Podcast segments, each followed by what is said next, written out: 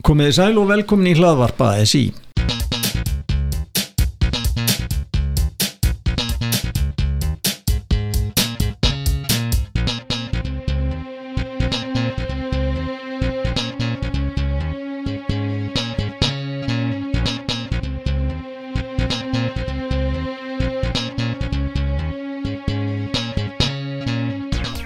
Þetta er þátturinn formaður mánaðarins en í þessari þáttaröðu er rætt við formenn stjættarfélaginan ASI og nú er komið af AFM sem er félag velstjóra og málmtæknimanna. Guðmundur Helgi Þóraðinsson var kjörinn formaður AFM árið 2018 og hann er hingað komin. Velkomin Guðmundur. Takk fyrir. Ef við ekki byrja á byrjunni, hvað ertu fættur og uppalinn? Já, ég er fættur ísfyrringur en átti heima þar mjög stutt, fimm ár svo flýtti ég neyri Flóa á Suðurlandi og er alinn þar upp í Villingahólst reppi Já, sem er landbúnaðar hér að? Landbúnaðar hér að, reyndar var að bjó ég í skóla þar.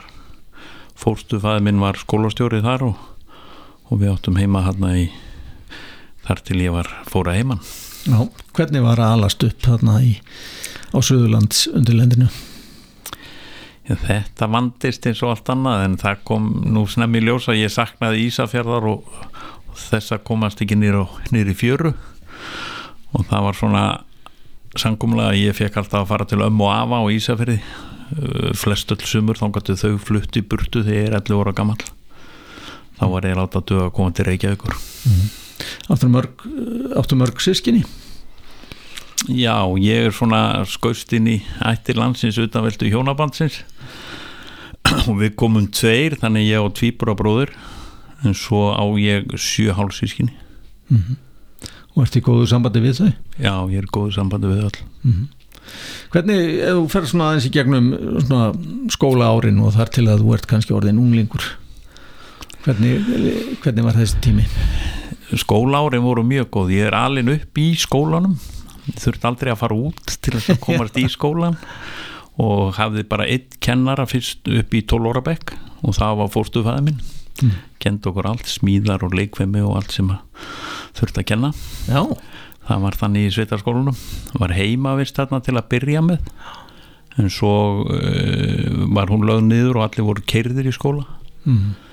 svo þegar ég kem á í Gagfræðaskóla þá fer ég að fara í skólabíl og er keirður upp á Selfoss og tók þrjábekki þar þar að segja útskreðast úr landsbrói 75 Já, en fljótlega eftir landsbróf þá, þá ferðu austur á land er það ekki?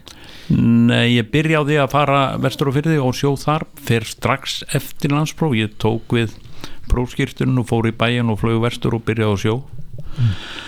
svo fer ég í vélskólan, klára hann og eftir það fer ég austur og norrfjörð og er þar í fjögur ár mm -hmm. Láð þetta lengi í loftinu að, að þú myndi fara á sjóinu, varstu búin að ákveða þetta bara sem bann?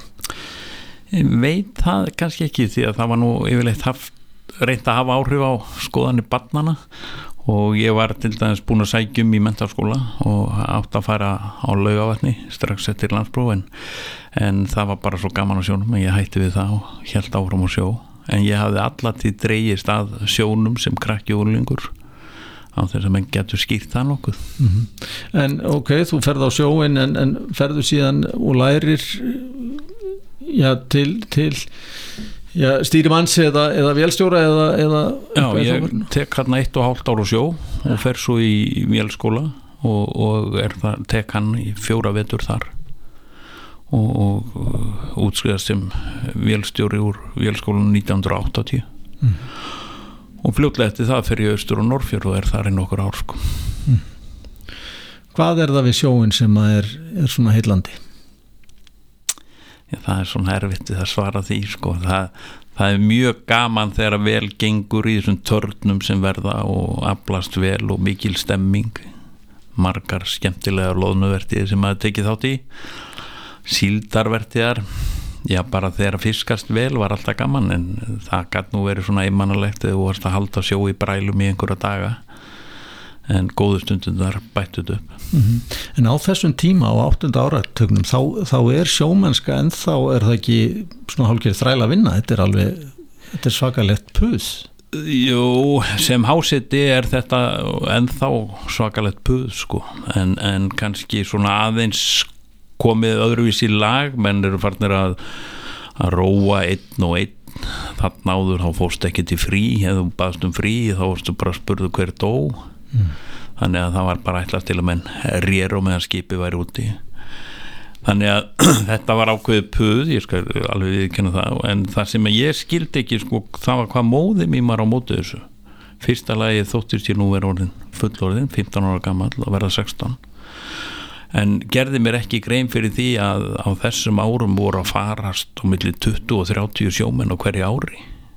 Þannig að það var svona súræðsla sem hún sá. Mm en það hefur sem betur verið gjörbreyst. Hvað varstu lengi á, á sjónu eða hvenna kemur þú svo í land? Í 2018 ég hafði ekkert gert annað en að vera á sjó tók mér tekja þryggjára frí, fór í land fór svo aftur á sjóin og hef bara verið til sjó síðan ég var 15 ára gammal og þá til að ég er að vera nálga 60 Og hvernig var það? Það lítur að verið svakalega breyting að eftir allan annan tíma að, að koma svo í land. Já, já, það, það var svolítið þannig sko. Það, eh, Erfitt? Nei, segi það ekki. Við, þannig er maður komin í það að róa einn og einn. Þannig að maður var kannski búin að vennjast í svolítið að vera í landi löngum tímum en það, það var ákveðin breyting samt sko. Það er uh, þú ert í ákveðinni friðhelgi út á sjó. Þú ert í vernduðu umhverfi en, en þó lífið kannski við skrítnar aðstæður, vinnustaf sem veldur undir og allt svo leis en, en þetta er vendað vinnustafur á, nokkur leiti mm -hmm. En langt úthald ofta tíðum er það ekki, ég menna hvað með smugu árin? Fórst í smuguna? Já, já, og rúsasjó og sko það breytist margt á þessum tíma. Fyrst þegar ég fer í smuguna þá voru engin hámörk, þú kannst verið mjög lengi ég held að lengsti túrin minna verið 56 dagar. Þá hafður eh, gæst hlusta á fréttinar upp í brú gegnum talstöðuna einu svona sólaring það var svona einu uh, samskiptiðin við landið. Gæst hringt heim í, í talstöð mjög erfið samtöl trublanir og vesen gegnum Noreg. Svo síðustu ára þá er komin gerfin þetta samskipti sem að gjör breyta öllu. Þú gæst bara ringt eftir hverja vakt og talað við fjölskylduna og, og þú varst með sjónvarpið bara beint í æði raun tíma og það var svo sem lítill munur svona á þessum málum hvort þú væri sko 20 mílur frá landi eða, eða, eða nokkur hundru mílur frá landi mm. þannig að það, maður sáða á þeim tíma líka búið að setja hámark á útiverðnar nýri í 40 daga að gjör breytti sko geðhilsinum borð í skipunum. Mm. Talandu um þetta aðriðið mitt, þarna á smögu árum, þetta er svona 93 til 95-6 er það ekki, e, þá fóru mikla sögur að því að, að sjómenn, þetta voru svo langar útilegur að, að, hérna, að þetta hafði sálræn erfið áhrif á sjómenn. Varstu vitnað því? Já, já, og, og sko það voru alls konar flökkursögur í gangi sko menn væri að sýsta sér lífið með jafnvelum borðið skipánum og svo leis ég held að það veri mjög lítið af því mjög lítið, en hins vegar sko uh, bara mínir skipfélagar fóru þrýr fyrir eigin hendi eftir að komið í land setna sko mm. þannig að þessu miklu fjárverur gáttu haft svakaleg áhrif á andlegulegina sérstaklega ef voru einhver vandamál heima fyrir og sem ekki var búið að leysa þegar mann fór út á sjó og svo gæst ekki eins og ringt og tala við konaðina eða neitt þannig að það það var miklu frekar að þetta svona heldist í um en þegar komið landatur mm -hmm. Aðeins aftur að, að hérna þegar þú vart yngri að árum stundaður íþróttur eitthvað þegar þú varst svona unglingur? Já, svona eins og ég gati í sveitinni, ég hljópi í sveitinni og spilaði svo fótbolta þegar ég kom til öðmir í Reykjavík. Maður hafði ekki alveg sömu aðstöð og þeir sem að byggu við hliðin á vellinum all, allt árið umkring en, en var þó uh, amma mín bjó hérna í lögunarskverfinu og ég spilaði svolítið fótbolta með Ármann og svo þegar ég fer á sjóin að þá einhverja leikja á ég með bolvíkingum þegar ég var sjó í Bólungavík og, mm. og svo spilaði ég með frægu félagi sem heitir Egil Rauði á Norrfyrði Nú, sem er svona sveitafélagið þar og þar voru sveitastrákarnir að spila í þáarendi fjóruðu dildi fótbolta. Og við vorum nokkri sjóminn sem voru með þegar við vorum í landi. Egil Rauði og á Norðfyrði að því að, að, því að þú saði mér að, að þú hefðir mjög ungur orðið í hérna, formaðu sjálfstæðisflokksins á Norðfyrði Littlu Moskvu. Já, já, þetta er Hvernig vildi það til? er þetta ekki bara mótrú eskunar en maður hefði búið í Reykjavík þá var maður farið í einhvern allt annan flokk. Mm. það, ég var alveg upp á ömmu mikið sem að, sem að var mjög hægrið sinnuð og ég trúði því alltaf tíð að amma geti nú ekki haft ranga skoðanir mm. þannig að maður hlaut að verða hægrið sinnaður svo þegar maður kemur á Norrfjörða þá er ég dregin inn í þetta pólitíska starf og endaði með því að vera formaði flokksins á Norrfjörði þannig eitt ár En hvernig er það, var það ekki áttur ekki erfitt uppdráttar þar sem að þetta er líklega frægasti vinstri hérna bær landsins? Jú, jú, þarna hafði alltaf bandalegi stjórnaði 50 ár og, og þeir sem stjórnuðu síldavinslunni voru allt þeir sem að sátu í bæjarstjórninni þannig að það var gerðnar svona aðeins rætt við strákinn þegar hann mætti á skrifstofunan og í kaupið sitt mm. sem maður þurfti að gera í þá daga mm. en þetta maður konst lifandi frá þessu og þetta var ákveðin skóli, ég skal alveg viðkenna það En þú varst bara eitt ár? Já, bara eitt ár Akkur var það? Ég, ég hef gerðnar sagt þá breytust mínar aðstæður og, og við fluttum aftur hérna á Suðurlandið að ég er svona pólitísku flottamað frá Norrfjörni Hefur þú haft einhver afskipt af pólitík síðan? Nei, það, ég hef ekki haft afskipt af pólitík síðan. Mm ekki nema bara mæti í kjörklefan og, og svona oft á tíðum ekkert ákveðin hvað ég ætla að kjósa fyrir náðu síðustu stundu. Mm -hmm. Aðeins að fjölskyldunni þinni, þú ert konu? Já, konu, mm, konu tvö mm -hmm. þannig að, að við eigum fjögur börn, ég tvö og hún tvö svo eigum við nýju barnabörn, hún fjögur og ég fimm en allt lítum við á þetta sem okkar eign Stór fjölskylda Stór fjölskylda, já mm -hmm. Og finnst þér svona maður á þínum aldrei, hann er svona vermaðitamatið kannski maður er svona fann að horfa tilbaka og svona, er, er þetta stæstu vermaðtiðin? Alveg tvímanalös sko miklum tengslum við barnabönnin þó elsta komið í háskóla yngsta nýbyrjaði í skóla þannig að ég er mikið gaman að hafa samband við barnabönnin og fylgjast með þau mm -hmm. þetta verður alltaf stæðstu vermaðin þegar upp í staðið Ó. Hvað gerir Guðmundur svona þegar hann á frí í dag? Komin í land og hvaðina? Já, og nægur tími til að leika sér sko í svona sömrin þá hef ég alveg fast á skoðan hvað ég ger um minn frítíma þá spila ég yfirleitt golf og reyna að gera svolítið mikið af því svona veturnar hefur þetta meira að fara í þessi félagsmál bara og maður tekur það svolítið eins og vertið í gamla dag maður fer á sjóun og tekur veturinn mm. en, en leikur sem er á sömurinn Ertu liðtækur í golfi? Já, ég veit ekki, kannski annar að dæmum hversu littækur ég er en þetta forgjafadótt sínir það ég er alveg meðal maður og, og hver er hún? forgjafun hjá mér er 20 Ó. það uh, byrjar hún ekki 36 eða hvað? 54 um í dag Nú, byrjaði til og niður sko Ó. ef hún nærðir í þetta átján þá er þetta alveg orðin þokkalega spilandi sko og átti skemmtilega stund á golvvellinum á Akureyri innamóti fyrir nokkrum árum þegar ég var einmitt í holli með Jóhanni hjá FMA og, og fór þá hóli höggi í, í innamannamóti Nú, þannig að það var þú ert búin að því ég er búin að því.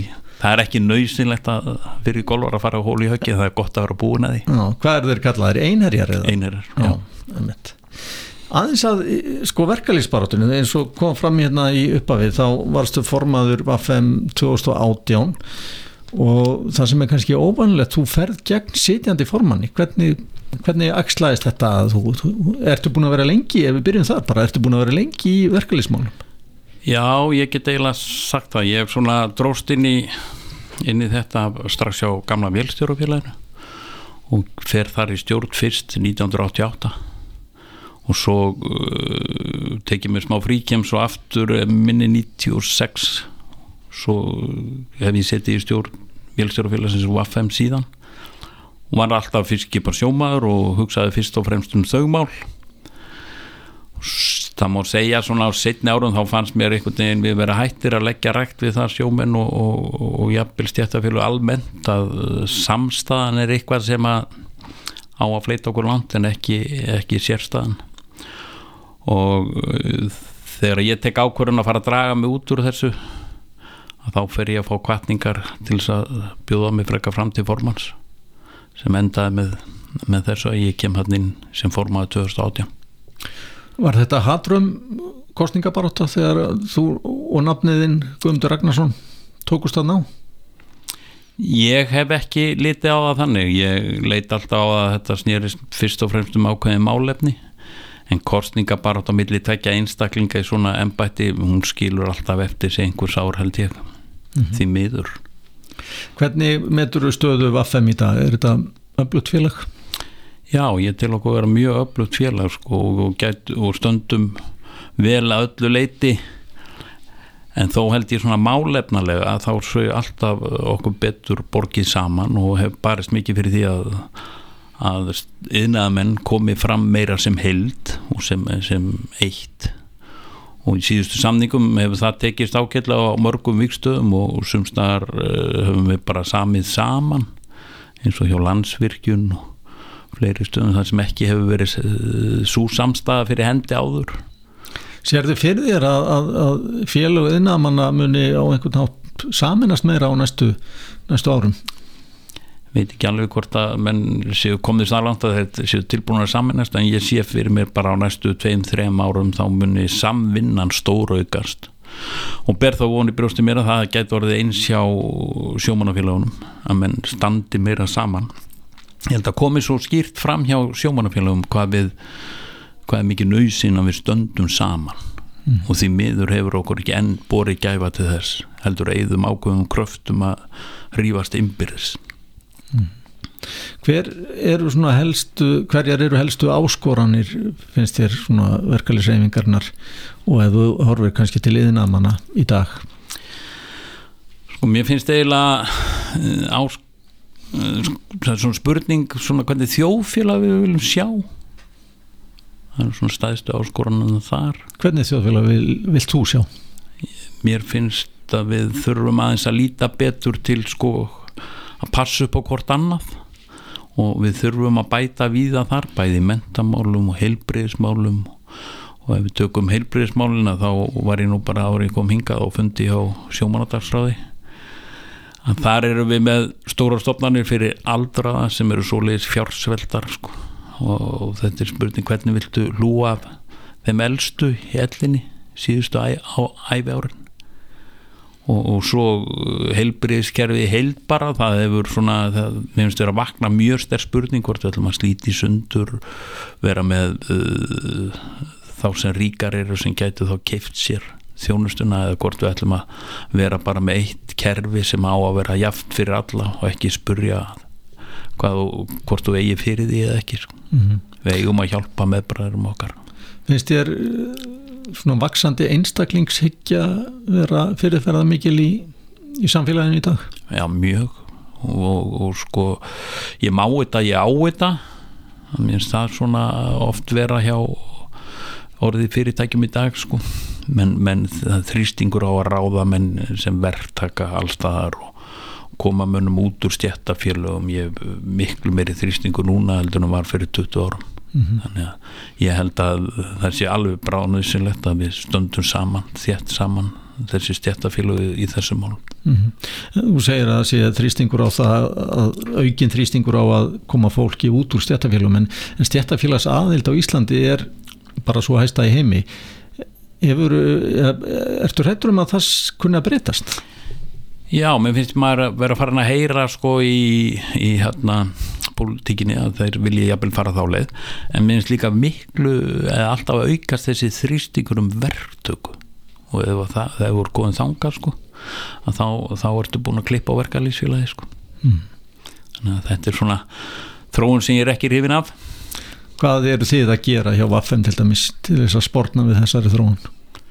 Ég held að við séum betur stattirældur og mörgunur uh, stjættafélagin að manna það er ekki orðið mikið í, í játniðinanum en, en uh, við erum fyrst og fremst að reyna að upplýsa fólk sko margir af þeim sem fara út í verðtöku þeir hafa ekki hugmyndum hvað þeir eru að fara út í þegar þeir fara út í það mm. svo fattar þeir að það er enga tryggingar og þeir þurfa að borga það og þeir þurfa að passa að borga atvinnulísjóð og allt þetta til þess að hafa þessi réttindi sem stjættafélagin bjóða þá upp á í gegnum veru þar og, og passa þá að það sé inn í kjærasamningunum og það sé farið eftir í mm.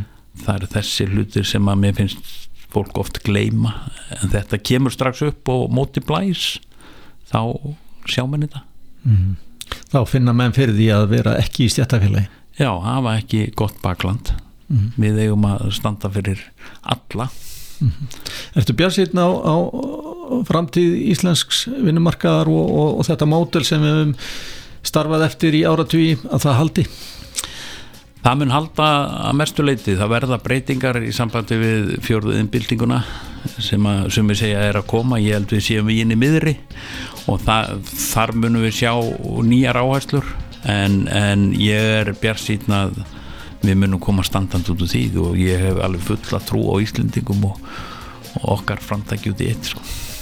Guðmundur Helgi Þóraðarsson formadur 5 félags velstjóra og málmtæknumanna kærða ekki fyrir komuna. Takk fyrir mig